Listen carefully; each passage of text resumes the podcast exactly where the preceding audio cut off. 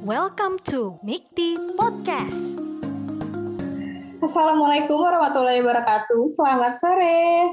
Selamat datang Sobat Mikti di kelas online Mikti yang kedua. Seperti biasa nih, kalau misalkan yang udah sering ikutan webinar atau ikutan kelas online Mikti yang pertama kemarin pasti udah tahu sama aku siapa. Kenalin, aku Najila. Aku yang bakal memandu acara kelas online Mikti ini sampai selesai. Jadi seperti biasa nih, sebelum kita mulai, Nabila pengen bacain dulu atau ngasih tahu dulu ke teman-teman semua tentang MIKTI. Mungkin masih banyak yang belum tahu atau bertanya-tanya tentang MIKTI itu apa. So, mari kita kenalan aja. Jadi MIKTI ini merupakan salah satu komunitas industri kreatif digital di Indonesia. Dan MIKTI ini merupakan organisasi non-profit yang berfungsi sebagai wadah tempat berkumpulnya para komunitas industri kreatif digital. Jadi di sini MIKTI itu bergerak untuk mengembangkan industri kreatif digital dan juga talent-talent startup. Dan di sini nggak cuma startup aja, Miki juga ada industri game, ada software, pendidikan, uh, industri musik digital, animasi, dan masih banyak lagi. Buat teman-teman di sini yang udah tahu tentang Miki, pasti nge-follow info Miki. Jadi, Nabila harap di sini setelah selesai, teman-teman semua langsung pada follow info Miki ya, biar tahu berita update-update terbaru tentang Miki. Dan tungguin lagi untuk kelas online selanjutnya semua request, semua saran dari teman-teman semua selama ngisi form bakalan diwujudin untuk bisa mengundang next narasumber-narasumber lagi. Dan selanjutnya nih di sini uh, juga sedikit mau jelasin kalau Miki itu punya inkubasi virtual. Inkubasi virtual Miki sendiri bernama um, uh, Virtual Miki Start Incubation. Jadi di sini teman-teman yang punya startup pengen dapat mentor, pengen tahu, pengen belajar lebih jauh tentang startup, bisa langsung aja ikutan uh, virtual Mikti Startnya dan bisa langsung follow at dunia startup untuk khusus virtual incubation. Kalau untuk info-info terupdate tentang dunia digital informasi atau bisnis atau tentang IT dan seperti sekarang, follow-nya at infomikti. Oke, okay, jadi hari ini kan udah pada tahu nih pasti uh, Najla mengundang siapa di acara kelas online. Dan kebetulan banget di acara kelas online kali ini Najla bakalan ngebahas seputar UX Writer. Jadi UX Writer ini kan lagi booming banget atau lagi ngetren banget di era digital sekarang. Dan pasti banyak banget calon-calon UX Writer nantinya yang dari webinar ini nih, yang dari kelas online ini, yang bisa menjadi sukses juga. Dan tema yang bakalan Nabila angkat hari ini adalah membahas seputar The Complete Guide of Building Better Products with UX Writing. Sama siapa? Kita bakalan langsung sharing bareng sama salah satu UX copywriter dari Blibli, yaitu ada Kak Delviana Kasosialisa. Halo. Halo Kak Delviana. Jadi kita hai, panggilnya hai. apa nih Kak? Biar enak nih sharing-sharingnya. Biar nggak ribet, panggil Dela aja. Kadela. Selamat datang Kadela di Miki. Terima kasih banyak udah mau jadi narasumber webinar Miki nih. Yang kedua nih, ini kelas online Miki itu salah satu rebranding gitu Kak dari webinar. Jadi kelas hmm. online. Jadi di sini kita bakalan lebih uh, kompleks lagi karena kita pengen di sini ada ilmu yang bermanfaat yang bisa diaplikasikan buat sobat Miki semua. Oke, siap Mbak Nabila. Berarti kalau kayak gitu Kadela udah siap nih ya? Oke, sudah bisa siap. langsung dimulai aja Kadela? Boleh? Siap. Okay. Saya coba share screen ya. Ya, silahkan Karila. Oke, boleh dibantu apakah sudah terlihat screen-nya? Sudah, sudah terlihat. Oke, kalau gitu saya bisa mulai ya, Mbak Nabila. Boleh. Oh, Karila sebentar. Aku mau uh, informasi lagi nih buat teman-teman di sini yang mau off cam, yang mau nyalain kamera boleh banget. Tapi jangan dinyalain mic-nya, jadi boleh nyalain kameranya. Itu aja Kak Dela. Terima kasih. Oke, okay. oke, okay. thank you Mbak Nabila. Halo, selamat sore uh, Sobat Mikti semuanya, apa kabar? Buat yang lagi menjalankan ibadah puasa juga selamat menjalankan ibadah puasa. Terlebih uh, semoga tetap semangat, sehat selalu karena di edisi kali ini uh, Mikti ngadain kelas online-nya edisi ngabuburit. Nah, ngabuburitnya bareng sama tim Bulbuli Design. Nah, kebetulan saya di sini mewakili tim Bulbuli Design nih. Saya kenalin uh, kenalin diri dulu ya. Nama saya Della. Nah, saya di sini adalah salah satu UX copywriter di Bulbuli. Jadi saya handle untuk produk digital, travel, dan juga uh, di bagian seller facing. Nah, teman-teman di sini yang penasaran dengan dunia UX di Bulbuli Design seperti apa, silakan nih boleh mampir ke Instagram kita, follow di @bulbuli Design Dan teman-teman juga nanti di Instagram itu bisa say hello sama tim kita, atau juga bisa dapetin berbagai info seru seputar dunia UX di Bilby Design tentunya. Silahkan di-follow. Kalau teman-teman juga punya uh, Medium, nah kalau teman-teman yang suka baca artikel Medium, teman-teman juga nih bisa baca artikel-artikel dari tim kita ataupun dari PM yang ada di medium kita Blibli Product Blog. Oke, kalau tadi sudah intro singkat nih mengenai saya dan juga Blue Design, kita langsung nih lanjut aja ke acara utama kita. Seperti tadi yang sudah dijelaskan nih sama Mbak Nabila, di kesempatan kali ini kelas online akan membahas tentang UX Writing. Dengan tema besarnya adalah The Complete Guide of Building Better Products with UX Writing. Nah, hopefully lewat uh, informasi yang nanti akan saya sharing kan ke teman-teman lewat sesi kelas online ini, hopefully teman-teman bisa lebih mengenal lagi dunia UX writing dan hopefully juga ini juga bisa men-trigger teman-teman nantinya untuk mempelajari UX writing lebih mendalam lagi setelah kelas online ini selesai. Tepatnya, nah di kesempatan kali ini saya akan uh, jelasin beberapa hal nih yang pertama nantinya karena kita ingin tahu kan gimana sih dampaknya UX writing itu ke suatu produk itu tentu kita harus mulai dulu nih dari yang paling basicnya dulu. Jadi nanti saya akan jelasin intro sedikit tentang UX writing. Lalu yang kedua, bagaimana cara kita menjadi seorang UX writer. Dan yang terakhir adalah saya akan mengajak eh, teman-teman uh, Sobat Mikti untuk partisipasi di kelas online ini supaya terasa seperti kelas offline. Nanti saya akan minta interaksinya untuk ikutan bareng sama saya di fun session. Eh, nanti saya akan jelaskan untuk rules-nya seperti apa. Nah, for now saya akan coba jelasin dulu nih materi utamanya terlebih dahulu. Oke, saya akan jelasin tentang standar basicnya dulu nih, tentang ilmu UX Writing kita mulai dari definisinya dulu. Pada dasarnya UX writing itu apa sih? Ilmu apa sebetulnya? Nah, pada dasarnya UX writing itu adalah praktek membuat kopi yang bertujuan untuk membimbing pengguna dalam menggunakan produk ataupun dalam berinteraksi dengan suatu produk. Jadi, ketika semisal teman-teman ngerasa bingung bedanya UX writing sama copywriting itu apa, berbeda teman-teman. Bedanya adalah kalau semisal copywriting itu bertujuan untuk mempromosikan produk. Jadi tujuannya adalah biar cuan, biar produknya bisa laris manis terjual. Nah, kalau UX writing tujuannya adalah supaya penggunanya itu tidak bingung pada saat menggunakan aplikasi ataupun website. Ketika mereka mau membeli produk ketika mereka mau bayar tagihan lewat satu app atau satu website, mereka bisa melakukannya dengan mudah tanpa ada kendala. Nah, hopefully dari sini teman-teman dapat gambaran ya tentang UX writing definisinya. Selanjutnya, kita akan coba membayangkan nih, kalau semisal teman-teman masih belum dapat gambaran, hmm, kalau semisal satu produk tanpa ada UX writing itu itu kayak gimana sih? Nah, ini adalah cuplikan singkat kalau semisal satu produk itu tidak memiliki uh, seorang UX writer, contohnya. Saya sedang menampilkan sebuah layar yang hanya uh, berisikan satu ilustrasi lucu. Ini kebetulan adalah ilustrasi dari uh, Mr. Blibli yang merupakan maskot dari Blibli. Dan di situ cuman ada ruang kosong di tengah-tengahnya dan hanya ada dua tombol yang sama sekali tidak ada kata-katanya. Nah, pertanyaannya adalah apakah teman-teman bisa menebak ini sebetulnya adalah adalah layar apa? Kalau semisal kita tidak uh, menggunakan kata-kata di sini, apakah teman-teman bisa menebak secara tepat layar ini sedang ngomong apa?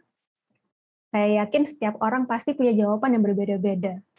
Ini adalah contoh pertama. Contoh selanjutnya adalah ketika teman-teman menghadapi satu error ketika dalam menggunakan aplikasi ataupun website, kita pasti perjalanannya mungkin terkadang tidak tidak semulus yang kita bayangkan. Terkadang kita menghadapi kayak gini nih. Tapi tulisannya error 500 dengan deskripsi, ups, ada yang salah nih.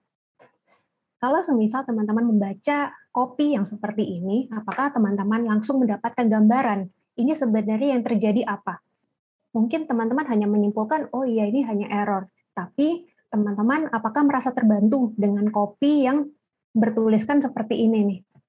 Nah, kalau semisal teman-teman bayangkan, setiap produk yang teman-teman pakai itu tidak uh, menggunakan teknik UX writing, teman-teman bisa bayangin nggak bagaimana rasanya menggunakan pengalaman menggunakan produk itu tuh rasanya kayak gimana? Teman-teman bisa bayangin pasti seperti yang saya tulis di slide ini pengalamannya itu mulai dari bingung karena nggak tahu ini ngapain di layar ini tuh mau ngomong apa. Yang pertama bingung, yang kedua helpless, nggak tahu harus berbuat apa karena kopinya nggak jelas atau bahkan kopinya nggak ada. Helpless, frustration, usah frustasi karena nggak ngerti nggak ngerti mau buat apa, ini ngomongin apa. Sementara mungkin harus buru-buru nih, lagi ada flash sale misalnya, atau harus buru-buru bayar tagihan. Tapi nggak bisa ngapa-ngapain, karena kopinya nggak jelas. Frustasi. Selanjutnya, ngerasa nggak puas. Pasti akan ngerasa nggak puas dengan produknya, karena ini apaan sih kok nggak jelas. Sampai akhirnya penggunanya bisa ngerasa nggak percaya lagi dengan produk ini atau bahkan dari brand itu sendiri. Nah, urutan-urutan pengalaman kurang menyenangkan ini bisa terjadi kalau um, seorang pemilik produk tidak memperhatikan sisi UX writing itu seperti apa. Nah, tentunya kita nggak ingin dong terjadi hal ini untuk produk-produk yang sedang kita kembangkan. Nah, untuk itulah UX writing itu ada. Nah, kalau semisal tadi saya sempat kasih cuplikan tentang gambaran kalau produk tanpa UX writing, nah sekarang saya coba akan kasih gambaran betapa berbedanya pengalaman ketika sebuah produk mulai menggunakan UX writing. Saya mulai dari contoh yang pertama tadi. Kalau tadi kosong nih, cuman ada ilustrasi sama dua tombol kiri kanan yang nggak ada wordingnya. Sekarang ketika sudah ada wordingnya, jelas oh ini adalah ajakan kepada penggunanya untuk masuk ke akunnya atau kalau misal belum punya akun maka daftar dulu nih ke uh, akunnya Blibli. Nah, ini adalah contoh ketika suatu kopi mulai diterapkan kepada desain dan akhirnya menghasilkan sebuah harmoni yang uh, bisa membantu pengalaman user ini semakin menyenangkan.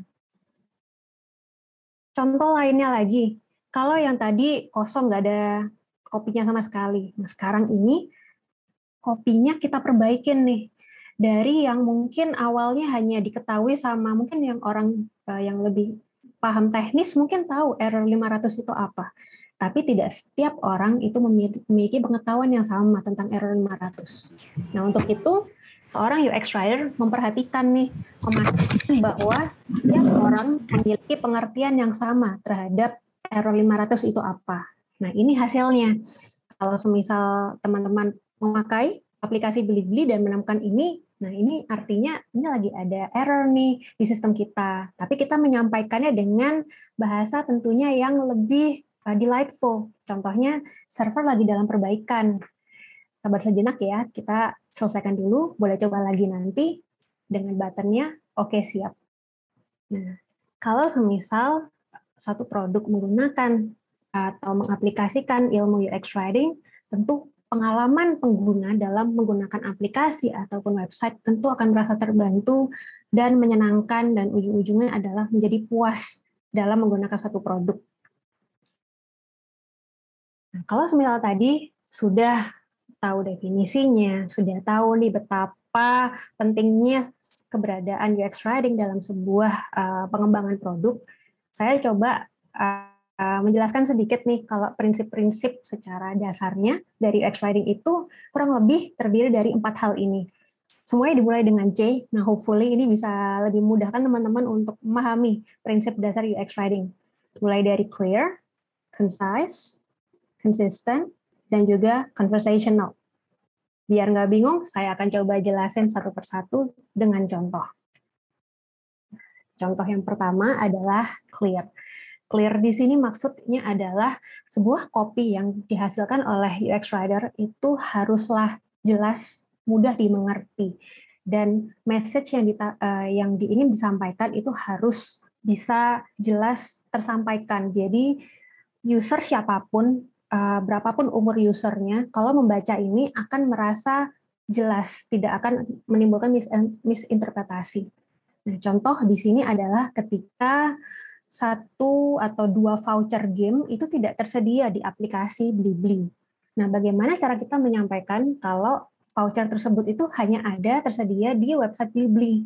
Nah, ini nih kita bilang mulai dari judul, kita bilang nih judulnya adalah hanya tersedia di website kita. Nah, yuk lanjutkan pembelianmu untuk uh, voucher game yang lebih lengkap itu di web kita. Dengan action buttonnya adalah kunjungi web, visit web. Nah, ini adalah implementasi dari copy yang clear atau jelas. Selanjutnya, kalau misal tadi sudah ngerasa jelas, nah sekarang ini teman-teman lagi melihat contoh kalau semisal uh, sekarang concise, artinya ringkas. Ringkas itu pengertiannya adalah bukan berarti suatu tulisan itu tuh misalnya minim harus dua kata aja atau misalnya max lima kata aja. Nggak gitu pengertian dari concise. Concise itu pengertiannya adalah ketika uh, kita mencoba untuk menyampaikan pesan itu seringkas mungkin itu maksudnya ya dengan menggunakan kata-kata yang seperlunya saja Artinya kita membuang kata-kata yang tidak diperlukan. Nah, contohnya kalau misal teman-teman lihat di sini, contoh layar yang kiri itu terlalu panjang untuk menjelaskan apakah Anda sedang mengalami kesulitan pada halaman ini. Kalau kita telah lagi sebenarnya yang dimaksud sama screen ini tuh kita ingin menawarkan bantuan nih kepada pengguna kita.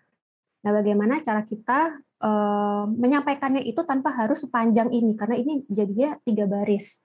Caranya adalah dengan cukup katakan butuh bantuan. Nah, dengan demikian, ini adalah contoh dari concise. Selanjutnya adalah consistent. Consistent di sini maksudnya adalah uh, kalau misal kita uh, membuat satu kopi, kita awalnya dengan menggunakan kata kamu di deskripsi ataupun di tulisan-tulisan lainnya, kita harus memastikan panggilan kepada pengguna itu harus sama. Ini ini adalah salah satu contoh dari konsisten. Jadi contoh kalau misalnya di screen yang kiri, kamu lagi offline, deskripsinya adalah cek koneksi internet Anda. Nah, ada perbedaan cara panggil ke pengguna. Nah, itu yang ingin kita hindari teman-teman. Kalau semisal kita lagi ngomongin implementasi dari konsisten.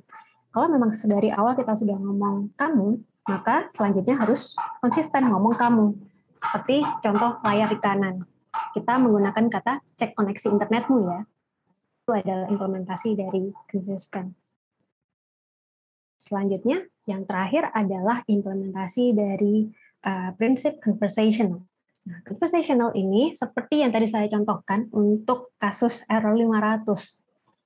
Uh, ketika kita sedang mengatakan untuk membangun satu produk Eh, yang dari sifat digital, tentu kita pasti akan menemui banyak sekali istilah-istilah eh, yang cukup teknis dan mungkin hanya dimengerti oleh orang-orang yang pakar IT atau yang berkecimpung di dunia IT tersebut. Nah, kalau tujuannya adalah kita ingin produk ini dipakai oleh orang banyak, termasuk yang di luar eh, non IT tersebut, kita memastikan bahwa jangan sampai istilah-istilah yang terkesan teknis tadi jangan sampai itu dibaca oleh orang yang awam yang tidak mengerti sama sekali dengan istilah teknis. Karena itu tadi, kalau semisal istilah teknis ini dibaca oleh orang yang sama sekali nggak punya pengetahuan terhadap era 500 itu apa, mereka nggak akan paham dengan kopi kita dan bisa ngerasa kurang terbantu ketika menggunakan produk kita kita pastikan bahasa yang digunakan itu layaknya kita lagi ngobrol nih sama manusia. Jadi mereka menganggap produk ini ya layaknya mereka lagi ngobrol dengan manusia. Itu adalah implementasi dari prinsip-prinsip UX writing 4C. Nah, kalau tadi saya sudah jelasin nih intro sejenak tentang UX writing. Nah, sekarang kalau semisal ingin menjadi seorang UX writer, sebenarnya caranya bagaimana? Nah, di sini saya akan mengajak teman-teman untuk sekilas uh, mengajak teman-teman untuk memahami nih uh, day to day kebiasaannya seorang UX copywriter di Udemy seperti apa. Nah, ini yang saya ketahui nih kalau dari pengalaman saya, kalau semisal seorang UX writer itu paling penting harus memiliki pengetahuan mendasar tentang tiga hal ini. Mulai mengetahui tentang brand, luar dalam brand, jadi kita harus tahu nih personality brandnya itu seperti apa dan berbagai guideline lainnya terkait brand. Lalu yang kedua adalah dari sisi user, penggunanya. Kita harus memahami profil atau persona dari user kita itu seperti apa. Dengan harapan kalau kita mengetahui target user kita itu siapa, kita bisa menyesuaikan gaya tulisan kita sesuai dengan segmen dari user tersebut. Yang terakhir, yang tidak kalah penting adalah pengetahuan secara mendalam tentang produk yang kita kerjakan. Nah, kalau semisal ketiga hal ini kita sudah ketahui secara luar dalam, ini akan sangat membantu dalam kita nanti mengerjakan uh, setiap proyeknya seperti itu. Nah, kalau semisal untuk gambaran ngapain aja sih seorang UX writer di Blibli kalau uh, mereka dapat project gitu. Saya akan jelaskan satu persatu. Ya, yang pertama, ketika kita mendapatkan satu project, kita pasti akan diberikan brief. Kita akan diberikan brief oleh PM kita. Nah, di sini tugas seorang UX writer adalah kita harus tahu nih objektif atau tujuan utama dari project ini tuh mau ngapain. Kita harus memahami objektifnya ini apa. Dan pada saat kita mendapatkan brief tersebut, kita harus kritis. Kritis ini artinya banyak nanya, banyak nanya soal ini projectnya ini kebutuhannya apa aja, tujuannya apa, apa yang ingin dicapai, deadline-nya kapan, dan berbagai hal-hal lainnya yang perlu diketahui sebelum mulai mengerjakan proyek. Nah, ini penting banget uh, untuk kita itu memahami proyek yang kita kerjakan. Setelah kita sudah cukup clear dengan yang disampaikan briefnya ini, selanjutnya adalah kita mulai preparation nih preparation sebelum mulai menulis. Nah, tahap preparation ini adalah tahap kita untuk mencoba berempati kepada pengguna kita.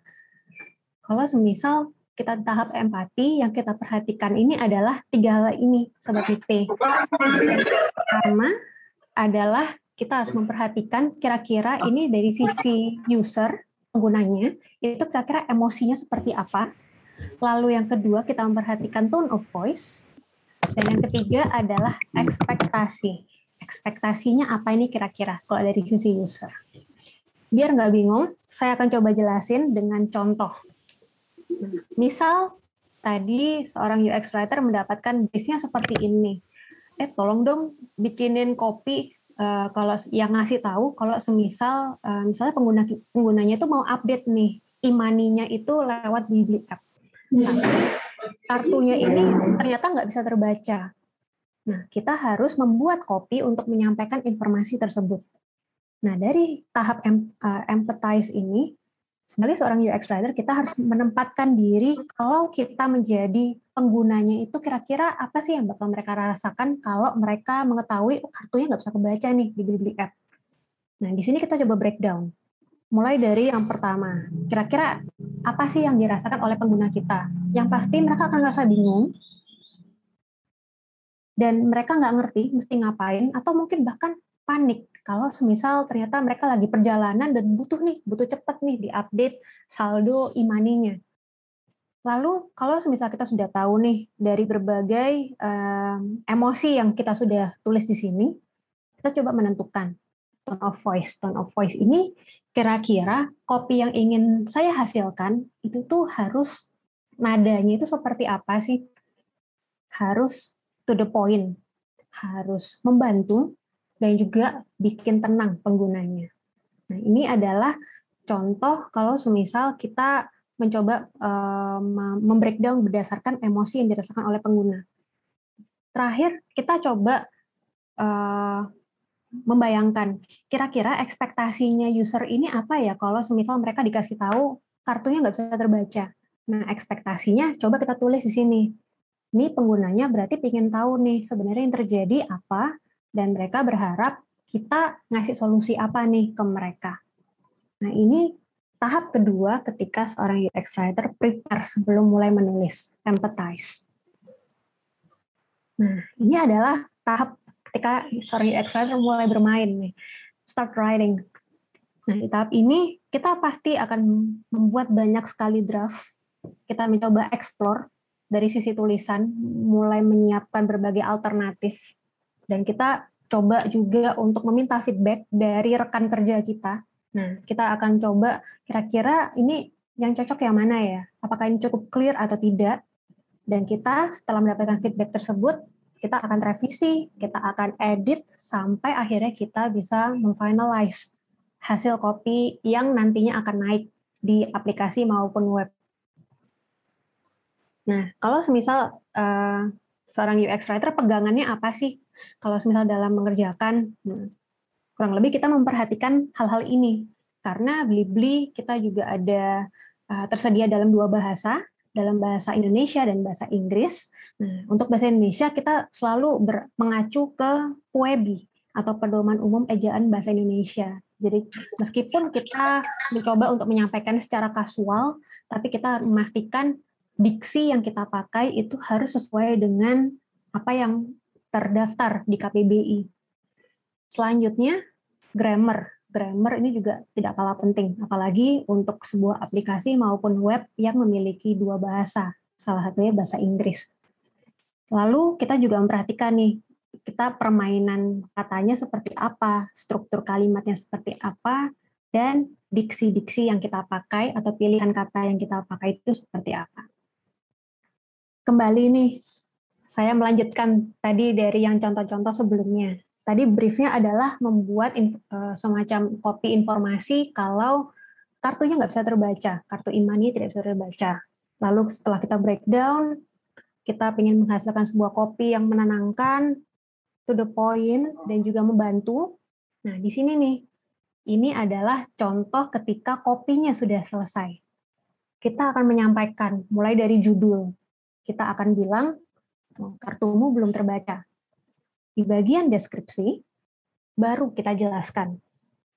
Coba tempelkan lagi kartu uang elektroniknya. Kalau masih belum terbaca, silakan perbarui saldo di ATM atau minimarket.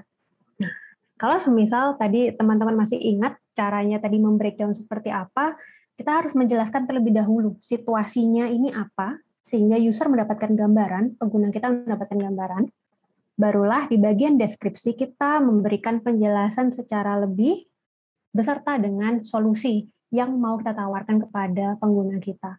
That way, ketika mereka menggunakan produk ini, mereka nggak bakalan bingung atau merasa tersesat ketika mereka uh, mengakses uh, aplikasi maupun website kita. Seperti itu. Nah, kalau semisal sudah selesai, udah naik nih di production, apakah seorang UX writer berhenti sampai situ saja pekerjaannya? Jawabannya adalah tidak. Tahap selanjutnya adalah lakukan research. Coba evaluasi kembali uh, kopi yang sudah kita hasilkan atau kerjakan. Perlu diingat, research ini bisa pada saat sesudah kita menghasilkan kopi ataupun sebelum menghasilkan kopi. Perbedaannya adalah dari segi tujuannya nih. Cara kita untuk uh, kalau semisal sebelum kita memulai membuat kopi berarti kita ingin menggali sebanyak-banyaknya insight kira-kira uh, user kita itu paham kosakatanya itu seperti apa atau yang sebagainya. Sementara kalau misalnya kita sudah uh, menghasilkan kopinya, nah kita ingin feedback, minta feedback dan suggestion dari mereka. Ini kira-kira kopinya apakah sudah cukup membantu bagi mereka? Kalau belum membantu, kira-kira mereka bisa kasih saran apa? Nah, dari situ kita mencoba memfilter karena pasti banyak banget nih uh, saran maupun kritik yang masuk dari uh, pengguna kita maupun stakeholders lainnya. Dan ketika kita sebagai seorang UX writer tidak tidak tidak harus menelan mentah-mentah semuanya, tapi kita mencoba menyaring dan kita ambil uh, keputusan untuk melakukan improvement di area-area mana yang dibutuhkan. Itu adalah tahapan research. Dan tidak lupa juga kalau semisal kita sudah melakukan semuanya, sebetulnya jangan lupa juga untuk terus berkolaborasi. Nah, ini yang perlu ditekankan. Meskipun terkesan wow, sebagai seorang UX copywriter kerjaannya nulis. Kayaknya nggak perlu nih uh, kontak-kontakan dengan banyak orang, bisa mengerjakan sendiri dan yang lainnya. Sejujurnya, pekerjaan uh, seorang UX copywriter itu justru berbeda dengan misalnya dengan profesi menulis untuk uh, misalnya untuk sebuah tulisan fiksi contohnya. Karena ketika kita menghasilkan sebuah tulisan, tulisan tersebut harus kontekstual. Kontekstual maksudnya adalah ya sesuai dengan uh, bagaimana situasi yang terjadi di aplikasi maupun website tersebut. Sehingga kalau kita mencoba menulis nggak mungkin kita kerja sendirian. Kita harus nanya ke banyak pihak. Kita harus sering komunikasi ke banyak pihak. Nah, ini adalah contoh-contoh nih pihak-pihak yang paling sering intens kerja bareng dengan UX copywriter. Di dalam tim pasti ada seorang UX designer, ada UI designer, UX researcher, UX engineer, PM sebagai uh, owner dari project, ada juga devs yang uh, bertugas untuk mendevelop sehingga itu bisa terrealisasi sampai naik ke production dan banyak stakeholders lainnya.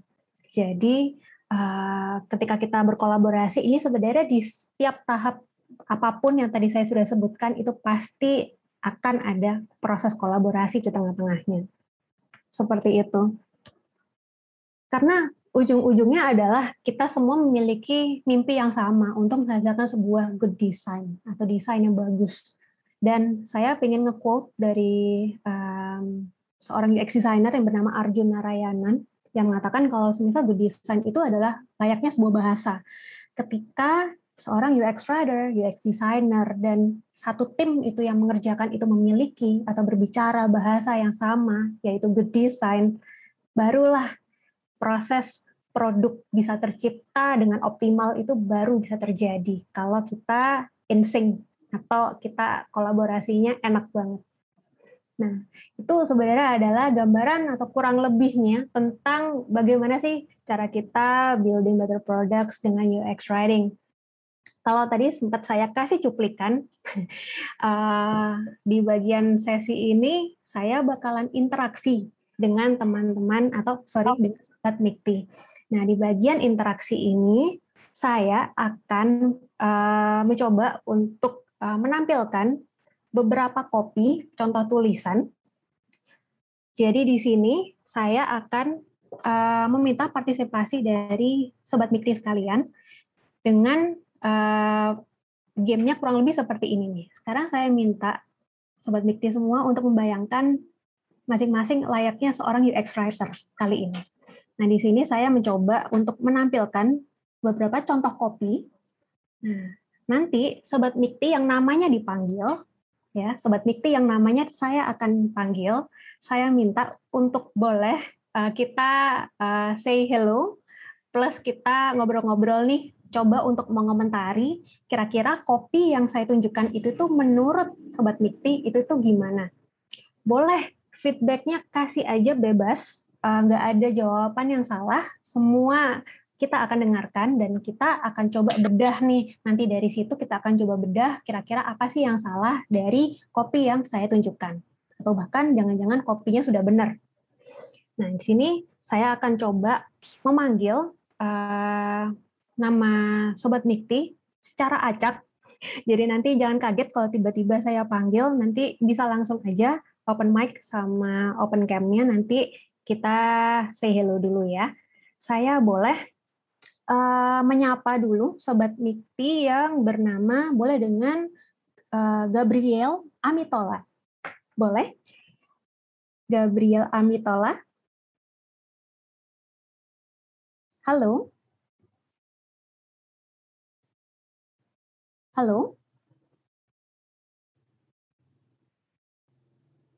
Uh, mohon maaf, apa sudah di unmute?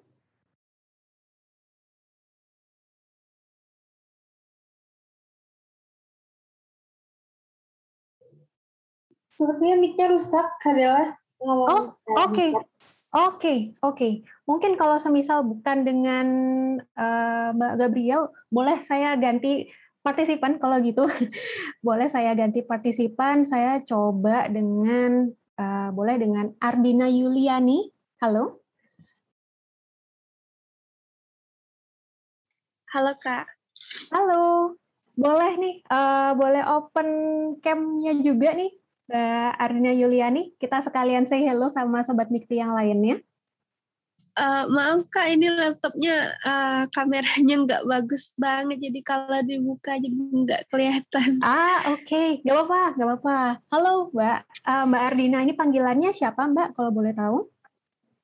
Boleh Ardina Mbak. Oke, okay. dipanggil Ardina dari kota mana Mbak Ardina? Dari Palembang, Mbak. Wih, dari Palembang nih Sobat Miktinya. Mantap nih. Terima kasih Mbak Ardina sebelumnya udah join di kelas online yang kebetulan saya jadi pembicaranya. Nah, di sini Mbak Ardina, saya coba tunjukkan dulu kali ya contoh kopinya. Nah, sebelumnya apakah sudah terlihat screen-nya Mbak Ardina? Iya, lihat Mbak. Nah, di sini Mbak Ardina, saya coba jelasin dulu nih Mbak. Jadi, eh, contohnya seperti ini Mbak. Jadi, misalnya si penggunanya itu mau buka sebuah halaman, dan halamannya itu ternyata mungkin sudah dihapus. Jadi, kita mau menampilkan sebuah halaman yang menunjukkan atau ngasih informasi kalau halamannya ini tidak ditemukan. Nah, di sini saya minta Mbak Ardina baca sekilas yang ada di screen ini, ada tulisan error 404. Boleh Mbak Ardina baca sekilas sebentar? Nah, iya. dari ini Mbak Ardina sudah selesai baca semuanya? Iya, udah, udah. Udah baca. Oke. Nah, sekarang Mbak Rina, saya boleh dong minta pendapatnya nih. Bebas, bebasin aja. Feedbacknya kira-kira kalau baca tulisan kayak gini, kira-kira gimana, Mbak? Uh, mungkin ini ya yang tulisan mungkin kamu salah pencet tombol gitu. Gimana tuh Mbak? Kayak ngerasa disalahin aja kan, padahal um, kalau misalnya memang kita klik terus hasilnya ini berarti kita nggak mm -hmm. salah tombol dan harusnya nggak dibilang nggak nyalahin kita gitu. Hmm, oke, okay. harusnya nggak nyalahin ya Mbak ya, harusnya nggak nyalahin iya. penggunanya ya. Iya, soalnya kan mm -hmm. pasti kalau kalau muncul ini berarti kita ngeklik sesuatu yang sudah ada gitu. Oke. Okay. Uh, itu aja sih Mbak. Itu aja. Nah kalau yang iya. judulnya kira-kira gimana? Mbak Ardina? Nggak tahu arti error 404 itu apa. Nggak ngerti ya? Nggak, iya. nggak kebayang ya? Kalau menurut iya. Mbak nih, uh, tadi kan sudah dapat nih, ada ada dua permasalahan dari layar ini, dari segi tulisannya. Yang pertama adalah judulnya. Yang kedua adalah kata-kata mungkin kamu salah pencet tombol. Nah, sebagai seorang UX writer. Nah, ini Mbak membayangkan diri nih sebagai seorang UX writer. Boleh dong, Mbak. Kalau semisal menurut Mbak, kira-kira tulisannya itu harusnya kayak gimana sih, Mbak? Um, gimana ya? Mungkin atau, dijelasin aja. Atau tulisan. gimana, Mbak ya? Kira-kira Mbak hmm. Ardina pengennya tulisannya itu ada ngomonginnya kayak gimana? Dijelasin aja uh, kalau misalnya emang halamannya itu udah nggak ada lagi. Mm -hmm. Ada lagi Mbak? Uh, itu aja dulu Mbak. Itu aja dulu. Oke Mbak Ardina, terima kasih Mbak udah berpartisipasi nih, udah sharing uh, feedbacknya ini. Nah ini adalah yeah. salah satu contoh nih, salah satu contoh ketika kita menghadapi sebuah kopi yang kurang membantu, yang terjadi adalah kita jadi bingung kan tentunya dengan yang ingin disampaikan ini sebenarnya apa. Nah, tadi yang Mbak Ardina sampaikan itu benar banget, Sobat Mikti. Yang pertama adalah dari segi judul, kita nggak tahu error 404 itu apa.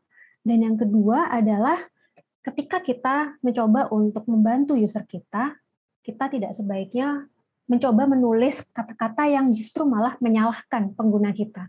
Karena kalau semisal contoh halaman ini ternyata tidak ada, itu bukanlah salah pengguna kita. Nah, untuk itu gimana caranya kita harus menyampaikan kopinya itu harus menjelaskan apa yang terjadi dan memberikan solusi. Nah, ini contoh aja nih, ini cuman sebagai uh, brainstorming aja singkat. Kalau semisal judulnya itu kita bisa aja tulis, oh halaman tidak ditemukan. Di bagian deskripsi kita mungkin aja bisa menulis, uh, misalnya kalau halaman tidak ditemukan, mungkin halaman ini sudah dihapus. Yuk kita kembali lagi ke beranda, yuk kita balik lagi ke beranda. Nah, baru actionnya adalah balik ke beranda. Nah, kurang lebih seperti itu. Terima kasih, Mbak Ardina. Mbak Ardina, sorry, boleh open mic sekali lagi, Mbak Ardina? Iya, iya, Mbak. Nah, Mbak Ardina, sekarang saya mau minta bantuan Mbak Ardina nih. Boleh nggak Mbak eh, Mbak Ardina sebutkan salah satu nama partisipan yang ada di sini untuk menjadi partisipan selanjutnya nih. Boleh pilihin Mbak oh. Ardina? Bebas ya. Bebas, boleh pilih salah satu dari nama partisipan untuk uh, kita ajak main game bareng di sini? Mungkin Mbak Nadia, Nadia Alifa Dewi. Mbak Nadia Alifa Dewi, halo Mbak Nadia.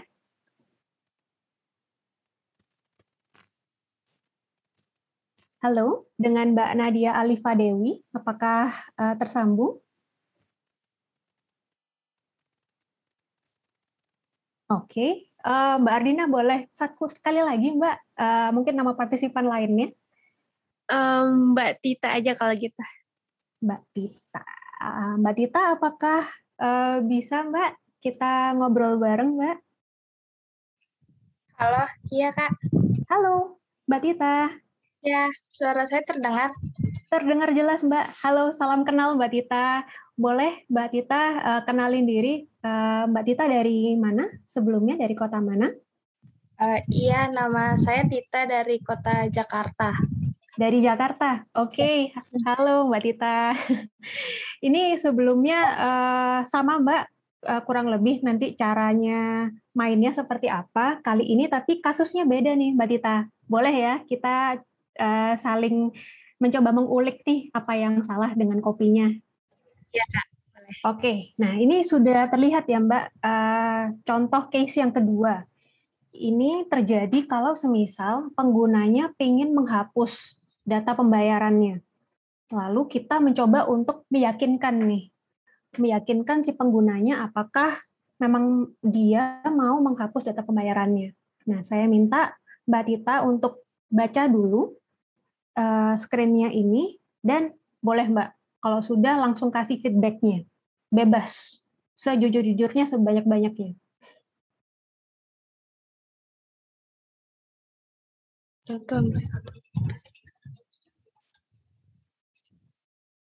Um, menurut saya sih? Yang di deskripsi setelah kamu klik tombol itu kan belum terlalu jelas ya tombol yang mana batalkan atau hapus. Mungkin okay. beberapa orang bakal bingung. Hmm. Terus hmm,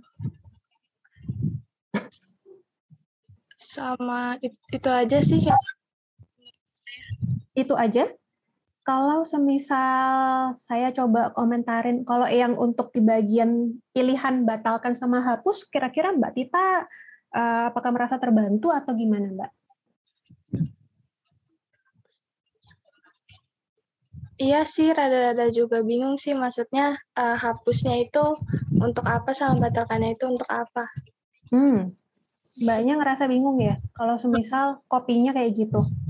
Iya boleh nggak Mbak kalau semisal sharing nih, misalkan sudah tahu nih, ini, ini bingung tombol yang mana, terus kayak uh, di bagian buttons-nya itu juga kayaknya pilihannya kok sama-sama bingung. Dari Mbak Tita kira-kira uh, membayangkan informasinya itu harusnya seperti apa Mbak Tita? Boleh nggak sharing aja? Hmm, Mungkin bisa diganti yang batalkannya itu atau tidak juga bisa sih. Jadinya nggak usah pakai batalkan atau nggak hapus atau tidak gitu di deskripsinya okay. sih gitu. Oke. Okay. Jadi buttonnya itu iya atau tidak bisa. Jadi okay. deskripsinya itu mungkin di deskripsinya misalnya kayak data kamu akan terhapus jika kamu menekan tombol apa gitu sih. Jadinya lebih ringkas. Oke, siap Mbak Tita. Terima kasih Mbak Tita buat jawabannya nih. Nanti sebelum ini sebelum di unmute uh, jangan di-unmute dulu Mbak, karena nanti saya mau minta bantuan Mbak untuk menyebutkan satu nama partisipan lagi ya Mbak ya. Iya. Untuk sementara saya coba jelasin dulu nih tadi yang sudah disampaikan sama Mbak Tita. Tadi Mbak Tita point out yang pertama adalah di sini nggak jelas klik tombol yang mana. Lalu yeah. yang kedua adalah di bagian ini batalkan dan hapus itu bisa bikin penggunanya bingung karena kurang lebih ini kayak mirip-mirip ya Mbak ya dari iya. batalkan yeah. sama hapus. Dan yang mau saya tekankan itu sebenarnya benar banget seperti yang Mbak Tita sebutkan tadi. Yang pertama adalah dari segi ini ketika kita ngomong setelah kamu klik tombol, kita harus menjelaskan tombol yang mana. Atau kita juga bisa nih uh, meringkas atau meringkas lagi nih kata-kata yang sekiranya tidak perlu karena di sini kalau kita lihat sebenarnya cukup panjang dan contoh misalnya selama-lamanya itu kan terlalu kita terlalu melebih-lebihkan. Nah, itu sebenarnya hal yang bisa kita hapus supaya infonya itu benar-benar yang padat dan sesuai dengan kebutuhan pengguna. Dan tadi sudah tepat uh, yang tadi dibilang sama Mbak Tita bahwa ketika ada dua opsi seperti ini, kita harus memastikan jangan sampai keduanya ini adalah eh, kata-kata yang bersifat negatif. Karena batalkan, hapus itu kan sama-sama bersifat negatif. Kalau semisal bisa, kita harus memberikan opsinya itu justru yang satu dan satunya lagi itu harus terlihat bedanya seperti apa. contoh tadi adalah penggunaan kata ya dan tidak itu adalah contoh yang tepat Mbak Dita. Atau semisal kalau ingin ini tetap ada kata hapus, nah opsi yang kedua biar tidak sama-sama negatif kita bisa pakai kata kembali. Jadi pilihannya adalah uh, kembali dan hapus Lalu untuk di bagian deskripsi tadi bisa seperti yang Mbak Tita sebutkan. Jadi misalnya setelah kamu klik tombol hapus, eh, data pembayaranmu akan langsung hilang misalnya. Itu adalah uh, contoh dari implementasi UX Writing. Terima kasih Mbak Tita. Nah, ya, untuk yang case study terakhir nih Mbak Tita, saya boleh nggak minta bantuan Mbak Tita untuk pilihkan satu nama peserta yang akan berpartisipasi nih selanjutnya. Uh, Nabila Irsyaf. Oh, Mbak Nabila kebetulan MC-nya. Ayo maaf, Kak. Boleh. Boleh nama lainnya? Uh, Cindy Jessica Trielsa. Oh, menarik. Cindy Jessica Trielsa. Oke, okay. hai Cindy. Halo Kak Dewa. Hai hai. Sebelumnya thank you banget deh eh, Mbak Tita udah manggilin nama Cindy. Sekalian ini saya mau perkenalin karena kebetulan yang join kali ini salah satunya adalah UX copywriter lainnya di Bumi namanya Cindy. Jadi uh, Cindy kita boleh uh, open open cam-nya lagi possible kah Cindy? Iya bisa nih Kak, saya koneksinya lagi jelek gitu Ah, oke oke, nggak masalah. Ini sekalian nih surprise banget nih karena uh, kebetulan Cindy ternyata juga join. Thank you so much sebelumnya Cindy udah nyempetin mampir nih di kelas online Mikti. Sekalian intro juga ke teman uh, sobat Mikti yang lainnya juga nih.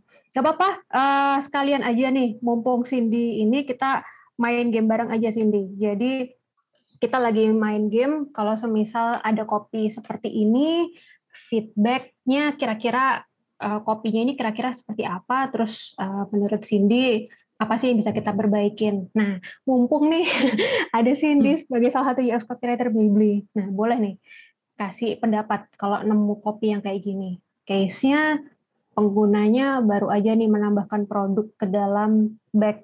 Kebetulan kita menyebut keranjang di Blibli itu sebutannya bag dan kita mau menampilkan sebuah pesan sukses yang tampil dalam tiga detik aja. Kita mau memberikan pesan yang mengkonfirmasi produknya udah ada nih di bagnya. Boleh Cindy, silakan. Iya, mungkin kalau di sini kan kata-katanya kita mau kasih lebih ringkas ya. Mm Ya mungkin uh, kamu ba kamu baru berhasil menambahkan produk ke bag kamu. Mungkin mm. mau tambahin barang lainnya juga boleh. Mm. mungkin di sini bisa lebih ke highlight ke uh, nambahin produknya aja kali ya lebih okay. daripada uh, kayak kamu udah berhasil nambahin produk nih gitu. sedangkan kita poinnya kita mau ngasih tahu kalau eh kamu masih bisa loh nambahin produk lagi di bag kamu bag kamu atau bag kamu masih kosong atau gimana daripada uh, lebih meng-highlight tentang berhasil atau tidak berhasilnya masukin barang ke bag itu sih kak. Hmm, oke. Okay. menarik nih ada perspektif lain dari Cindy. Thank you so much sebelumnya Cindy. Uh, oke, okay. ini tadi sudah uh, dengar nih tadi pendapatnya kalau dari Cindy tadi kita bisa um, kita bisa lebih uh, ulik lagi nih dari segi kopinya seperti apa. Nah, di sini kalau semisal kita coba bedah lagi, nah kalau yang bisa saya sampaikan nih sebenarnya karena uh, kembali lagi objektifnya tadi adalah ini adalah sebuah pesan yang munculnya dalam tiga detik. Artinya kalau semisal dalam tiga detik seberapa banyak sih info yang bisa ditampilkan oleh pengguna kita. Nah kalau semisal seperti itu tujuannya kita kan pengen ngasih tahu bahwa produknya berhasil nih ditambahkan ke keranjang atau bagnya. Kita bisa meringkas kata-katanya ini supaya uh, fokus ke action yang barusan dilakukan oleh usernya, yaitu ya dia berhasil menambahkan produknya ke bag.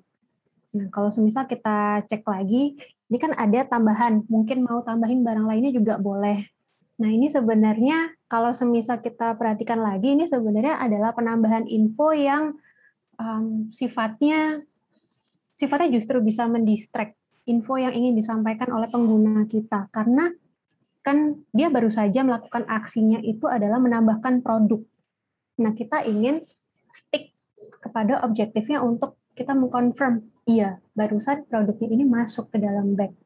Nah, untuk itu kita bisa aja nih misalnya ngomongnya adalah ya udah kamu berhasil menambahkan produk ke bag atau produk berhasil ditambahkan.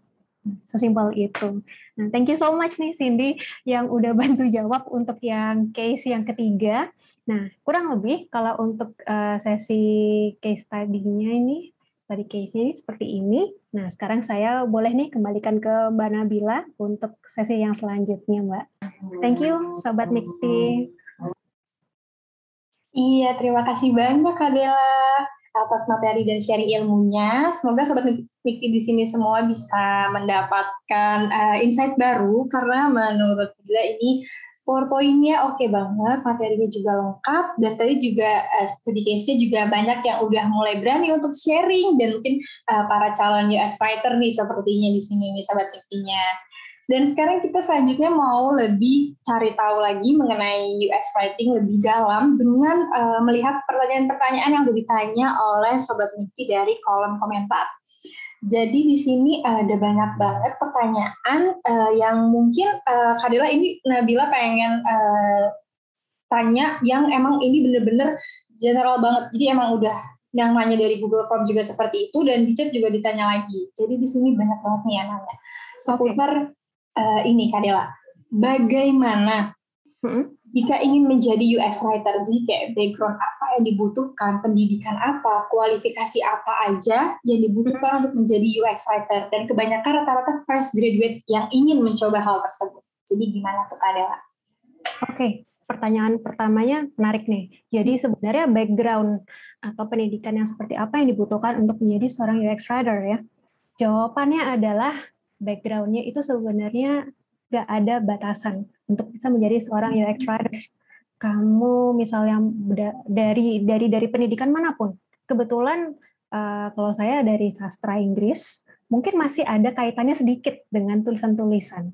Tapi ada juga nih yang backgroundnya dari um, komunikasi atau mungkin bahkan yang dari dunia finance atau yang lainnya itu sebenarnya tidak menjadi penghalang background uh, background studi dari teman-teman atau sobat Mikti itu tidak menjadi penghalang untuk menjadi seorang UX writer.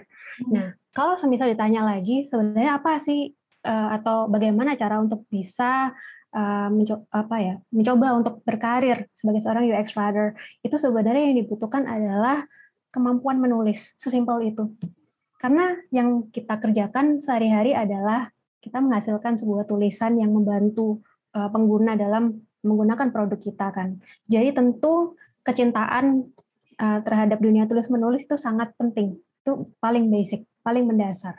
Nah, kalau semisal ditanya, nulisnya nulis yang seperti apa? Jujur, saya pun juga sebelumnya bukan berangkat dari seorang UX copywriter. Saya lebih banyak dealing dengan uh, tulisan yang bersifat kreatif atau bahkan cenderung yang sangat formal. tentu berbeda dengan UX copywriting yang lebih luas, UX writing yang lebih luas. Nah, itu tentu berbeda kan. Tetapi kalau teman-teman memiliki kecintaan kepada pada dunia menulis-menulis, tentu teman-teman atau sobat Mikti akan terus mengeksplor gaya tulisannya seperti apa. Yang paling penting adalah bagaimana kita menghasilkan tulisan yang ketika dibaca itu seperti prinsip-prinsip yang tadi, yang prinsip 4C tadi yang dijelaskan di presentasi tadi. Jadi kalau semisal uh, misalkan dalam portfolio, kalau misalnya dalam portfolio sobat Mikti juga bisa nih uh, misalnya sebagai starternya kalau semisal Sobat Mikti belum pernah memiliki pengalaman magang, mungkin intern di sebuah perusahaan yang dengan posisi UX writing, Sobat Mikti juga bisa mengulik kopi yang ada di aplikasi atau website yang sering kalian gunakan. Di situ coba temukan nih kira-kira kopi yang mana nih yang mau diulik, yang menurut Sobat Mikti ini kayaknya kurang deh. Dari situ coba propose sebuah solusi berangkat kenapa sih kok ini kurang jelas tulisannya. Baru coba di breakdown dan jadikan itu sebagai portfolio kalian. Karena pada saat kita apa ya proses hiring tulisannya di dalam portfolio itu yang paling penting adalah proses bagaimana kita berpikir sampai akhirnya kita menghasilkan kopi tersebut. Jadi kalau semisal tipsnya ini kalau semisal dalam uh, menulis portfolio untuk portfolio menulis adalah pastikan kita selalu menerangkan ini kenapa sih kopi ini tuh uh, bisa uh, solutif, bisa memberikan solusi bagi pengguna. Itu di, diperjelas lagi, di breakdown lagi seperti itu. Mungkin apakah itu sudah cukup menjawab, Mbak Nabila? Sudah adalah karena uh, di sini rata-rata menanyakan mengenai portofolio dan juga hmm. background latar belakang. Berarti di sini nggak terbatas ya, maksudnya kalau misalkan uh, kan aku sendiri nih anak komunikasi nih gitu, misalkan mau jadi hmm. UX writer bisa gitu berarti ya. Oke, okay. bisa berarti uh, teman-teman di sini nggak uh, usah khawatir, yang penting punya uh, basic untuk menulis ya, senang dalam menulis ya. Iya. Oke, Kak Dela, aku mau nanya selanjutnya, boleh? Boleh, lanjut. Uh, di sini ada yang nanya nih kak, masih ada yang menanya mengenai apakah menjadi UX writer itu harus bisa juga jadi UX designer atau researcher? Kan biasa kita ada yang bingung tuh tentang kok UX writer tuh banyak ya, kirain cuma UI UX design aja, ternyata ada UI UX uh, eh, researcher juga, ada designer, ada writer juga. Gitu. Oke, okay. apakah harus bisa ya? Tadi pertanyaannya hmm. harus, harus bisa. bisa. Hmm kalau dibilang harus bisa sebenarnya jawabannya adalah lebih ke paling tidak memahami dulu nih fungsi dari masing-masing role itu seperti apa. Perkara bisa atau tidak itu sebetulnya bisa diasah dengan seiring kita banyaknya pengalaman pada saat kita memulai karir. Karena well, sedikit fun fact lagi pada saat saya mulai bergabung di Bibli itu adalah kali pertama saya mengasah uh, ilmu saya sebagai seorang UX writer. Dan dari situ saya memiliki pengalaman atau pengetahuan tentang dunia UX, UI itu tuh cukup sedikit. Dan itu baru bisa benar-benar terasah pada saat kita mulai bekerja dan banyak dibantu oleh stakeholder-stakeholders yang terkait. Nah, dari situ sebenarnya bisa kita asah sendiri. Kalau semisal apakah wajib atau tidak, itu jawabannya adalah kalau semisal kita bisa memiliki paling tidak knowledge tentang masing-masing hmm. role, itu bisa sangat membantu kita untuk paling tidak kolaborasi ini bisa lebih enak. Tapi nantinya dengan kita terus mengasah banyaknya pengalaman, dengan banyaknya kita sering bekerja dengan stakeholders, kita jadi memahami sih, lebih memahami peran masing-masing seperti itu. Oke, terima kasih Kak Oke, tadi yang nanya semoga menjawab ya. Jadi uh, bukannya harus bisa, tapi setidaknya ada knowledge yang dipahami ya Kak ya. Betul. Uh, Fadil aku masih bisa buat tanya lagi nggak Ada lagi okay. nih yang nanya. Kali ini yang nanya ini mau bertanya mengenai interaksi dengan produk. Bagaimana berinteraksi dengan produk dan ada pasti pemilihan kalimat atau diksi yang tepat agar mudah diingat dan tidak membosankan bagi para penggunanya nih kak. Adakah framework yang sering digunakan dalam UX writing sendiri? Hmm, Wow, cukup kompleks ya. Pertanyaannya. Ya, ini pertanyaan sudah mulai kompleks nih. Sudah mulai kompleks. Hmm. Ya kalau semisal ditanya framework itu seperti apa, sebenarnya uh, mungkin perlu diperjelas lagi nih maksudnya framework ini seperti apa dulu. Karena uh, cara satu tim desain bekerja dalam hal ini dari tim writer yang bekerja satu produk dengan yang produk lainnya pasti memiliki cara yang berbeda-beda untuk sampai bisa menghasilkan final copy. Nah tadi kalau semisal boleh eh, Mbak Nabila tadi diulangi lagi ya. Kalau pertanyaan pertamanya tadi adalah uh, berinteraksi dengan produk, ada pemilihan kalimat atau diksi yang tepat agar tidak mudah bosan dan mudah diingat gitu. Hmm. Kalau semisal dibilang interaksi dengan produk itu sebenarnya kembali lagi nih kan uh, kita kalau sebagai seorang UX writer kita kan mengerjakannya ini uh, nggak cuman apa yang misalnya sifatnya itu membantu dalam misalnya untuk uh, belanja atau apa itu kan kita membantu nih mengarahkan oh iya ini tambahkan produk atau apa tapi kita kan juga menulis yang di luar itu tuh misalnya ketika kita ingin membagikan info atau membagikan nih ada ada produk bagus nih itu kan ketika kita share ke WA atau apa di situ kan kita mencoba untuk bikin copy template-nya itu tuh seperti apa sih supaya mereka tertarik nih ketika mereka dapat WA tersebut, pesan tersebut dari temannya, mereka tertarik untuk buka di aplikasi Blibli. Nah, sebenarnya cara kita untuk dibilang bagaimana cara kita supaya interaksinya itu bisa lebih dapat terus bisa lebih menarik itu sebenarnya kembali lagi ke bagaimana kita memahami user kita karena yang dikatakan menarik oleh satu user dengan user lainnya itu kan pasti beda nih. Nah dari situ makanya proses research itu sangat penting banget bagi uh, teman-teman semua. Kalau misal kita sudah memahami user kita, kita terus lakukan research, kita evaluasi terus kopi yang kita hasilkan, apakah sudah cukup menarik, sudah cukup uh, membantu user kita. Kalau semisal belum, barulah kita lakukan improvement mungkin jawabanku untuk uh, pertanyaannya baru bisa sebatas itu ya karena hmm. uh, sifatnya tergantung dari setiap tim desain sih kalau ketika kita ngomongin framework seperti itu. Hmm, terima kasih Adela atas jawabannya. Jadi mungkin uh, nanti uh, teman-teman bisa cari tahu atau belajar lagi. Selanjutnya nih Kadela, ada yang nanya, ini pertanyaannya menarik banget Kadela. Jadi di sini ada yang nanya mengenai apa tantangan dari Kadela sebagai UX writer di era saat ini? Karena saat ini kan online platform itu makin banyak dan makin bertumbuh. Dan juga makin banyak orang yang tertarik buat jadi UX writer. Menurut Kadela bagaimana tantangannya? Tantangannya adalah hmm, semakin banyak produk tentu ya. Pasti pasti banyak produk yang menjadi uh, terlihat berbeda dengan satu produk dan yang lainnya dan semua pasti akan berupaya kan untuk lebih lebih terlihat dibandingkan dengan produk yang lain. Sebenarnya tantangannya adalah bagaimana kita tetap apa ya tetap tetap tetap, tetap dengan personality kita sendiri tidak terbawa oleh arus.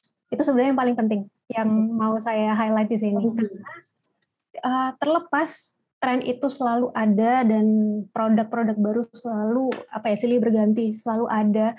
Tetapi untuk tetap stick dengan uh, bagaimana personality brand kita bagaimana kita uh, personality-nya itu bisa terefleksi di tulisan-tulisan kita itu sebenarnya lebih ketantangan utama kita sih. Dari kita sebagai bagian dari tim desain kita memastikan suaranya bli itu ya seperti ini. Hmm. kita tidak harus apa ya ini sebenarnya juga menjadi pertanyaan yang sempat uh, cukup cukup didebatkan gitu di antara uh, pernah sih kayak ada obrolan bersama dengan UX writer lainnya apakah kita harus uh, mengikuti tren atau bagaimana gitu. Nah, sebenarnya kita kembali lagi sih, apakah tren tersebut cocok dengan personality dari brand kita? Nah, kalau misal jawabannya adalah tidak, sebaiknya kita tidak berusaha untuk menjadi orang lain karena itu justru akan membuat apa ya customer kita yang sudah lama menggunakan produk kita tuh justru malah bingung. Untuk itu lebih tantangannya adalah bagaimana kita bisa apa ya mempertahankan meskipun kita tetap berusaha nih dari segi tulisan kita mencoba untuk uh, explore kita tetap berusaha menghasilkan uh, tulisan yang lebih kreatif, lebih helpful. Tapi bagaimana apa pun diksi yang kita gunakan itu tetap masih bisa merefleksikan personality dari brand Blibli itu sendiri. Itu sih jawaban saya Mbak Nabila. Oke, berarti tantangan itu adalah dari personality ya. ada ya dari sisi personalitinya jangan sampai kita dipengaruhi oleh orang lain jadi harus dari diri kita sendiri untuk mempertahankan hal itu mm -mm. oke Kak Dela uh, masih bisa bertanya lagi nih Kak Dela Oke, boleh. Boleh. Mungkin ini pertanyaan terakhir ya Kak Dela ya, karena kan sebentar lagi kita bakal buka puasa nih, udah nggak berasa juga udah mau setengah lima. Jadi mungkin okay. pertanyaan terakhir, dan okay. pertanyaan terakhir ini pertanyaan uh, yang udah Nabila rangkum dari yang nanya lewat form dan juga dari chat ini. Jadi ada yang bertanya seputar rekomendasi Kak. Adakah hmm. rekomendasi dari Kadela mengenai buku, artikel, ataupun software yang bisa digunakan untuk mempelajari UX writing ini? Oke, okay. Adela. Mempelajari UX writing ya.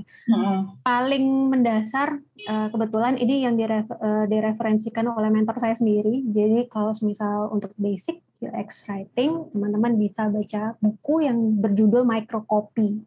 Hmm. Uh, judulnya Microcopy, maaf kalau spellingnya salah. Uh, untuk nama penulisnya itu uh, cara bacanya itu Kineret Yifrah. Nah, ini nanti teman-teman boleh googling microcopy book seperti itu. Nah, itu pada dasarnya kayak menjadi standar atau bible-nya nih untuk uh, seorang yang baru memulai untuk uh, belajar tentang UX writing karena di situ cukup jelas penyampaiannya dan juga disertai dengan contoh-contoh dan setelah selesai membaca itu juga akan sangat terbantu nih dengan oh oke okay, dapat gambaran langsung dari praktisinya.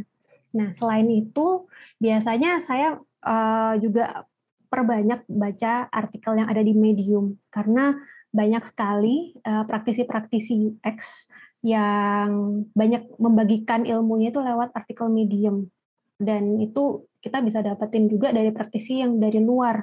Uh, contohnya seperti John Saito, terus Riri Nagao dan beberapa contoh uh, orang-orang lainnya yang ada di Medium. Nah, jadi kalau semisal teman-teman yang mungkin belum punya account Medium, nah boleh nih mulai dari sana itu karena uh, kembali lagi saya juga mau mengutip lagi ini tips dari mentor saya sebagai seorang UX writer itu kita sebenarnya juga perbanyak referensi yang di luarnya UX writing, tapi lebih ke product design juga. Tujuannya apa? Adalah seperti yang tadi, pertanyaan yang tadi. Tujuannya adalah kita lebih memahami nih, cara berpikir desainer itu seperti apa sih? Cara berpikirnya dari sisi dev itu bagaimana? Cara berpikir dari masing-masing stakeholder yang setiap kali kita bekerja sama itu seperti apa? Nah, hopefully itu juga bisa membantu nih kita pada saat mengerjakan copy dan yang terakhir, kalau saya bisa berikan rekomendasi yang juga uh, bisa teman-teman ini adalah dalam bentuk podcast. Nah, hmm. ini kebetulan uh, ada podcast yang teman-teman bisa dengarkan nih, namanya adalah podcast Warung Kopi. Nah, podcast Warung Kopi ini kebetulan di-maintain sama uh, mentor saya, uh, Edwin Muhammad jadi lead uh, UX Bibli. Nah, di situ dia banyak obrolan menarik dengan para writers lainnya maupun praktisi UX yang teman-teman jadi bisa terbayang nih dari setiap topiknya ini mengangkat UX writing dari sisi yang berbeda-beda dan industri yang berbeda-beda nih. Nah, teman-teman yang mungkin lebih serak dengerin podcast, nah bisa nih. Langsung aja coba dengerin di warung kopi. Itu sih Mbak Nabila rekomendasinya. Jadi mungkin sahabat di sini bisa dicatat ya, tadi dari mulai buku, ada medium juga, terus habis itu ada hmm. podcast. Jadi mungkin yang lebih suka ya dengar, dengar gitu atau uh, lebih ke audio mungkin bisa langsung ke podcast saja ya warung kopi. Terus kalau misalkan mau buku juga boleh ngulik-ngulik dari buku. Sebenarnya kalau misalkan mau belajar itu bisa dari mana aja ya Kadila ya? Betul. Di era sekarang udah banyak banget media untuk bisa belajar. Salah satunya seperti ikut kelas online ini juga belajar. Yes. Dapat ilmu baru dari sini. Betul banget. Um, mungkin paling ini sih Kadela uh, sebelum kita berpisah nih, sebelum kita pamitan. Uh, Kadela ada nggak kayak motivasi quotes gitu untuk sahabat Miki semua nih di sini untuk 67 partisipan di sini biar semakin semangat untuk menggapai mimpi dan cita-citanya. Oh, untuk quotes ya. yang mungkin favoritnya Kadela gitu kalau misalkan lagi ngedown atau apa tuh selalu inget dengan kata-kata itu. Hmm. Kalau yang menurut saya sih ini yang selalu jadi pegangan saya itu kayak kita tuh tidak pernah berhenti yang namanya belajar. Gak ada kata terlambat untuk belajar. Kalau semisal saat ini Sobat Mikti ngerasa ini kayaknya kok udah telat deh atau gimana untuk memulai belajar hal baru. Misalnya dalam hal ini UX Writing. Gak ada kata terlambat untuk selalu belajar, pokoknya belajar dan belajar belajar itu tidak pernah mengenal umur. So tetap belajar teman-teman, tetap semangat, terus memperdalam ilmu UX writing dan hopefully kelas online ini adalah salah satu contoh apa ya dari sobat Mikti untuk terus memperdalam uh, kecintaannya terhadap UX writing. Oke, terima kasih Kak Dela. Jadi sobat Mikti semua nih ya udah bisa dilihat langsung. Terus belajar dan semangat untuk belajar. Oh iya Kak Dela, kalau misalkan nih hmm. ada sobat Mikti yang masih pengen nanya, jadi kayak masih ngerasa kurang nih, pengen nanya lagi, pengen tahu lebih uh, dalam lagi. Kira-kira okay. bisa lewat mana nih hubunginnya?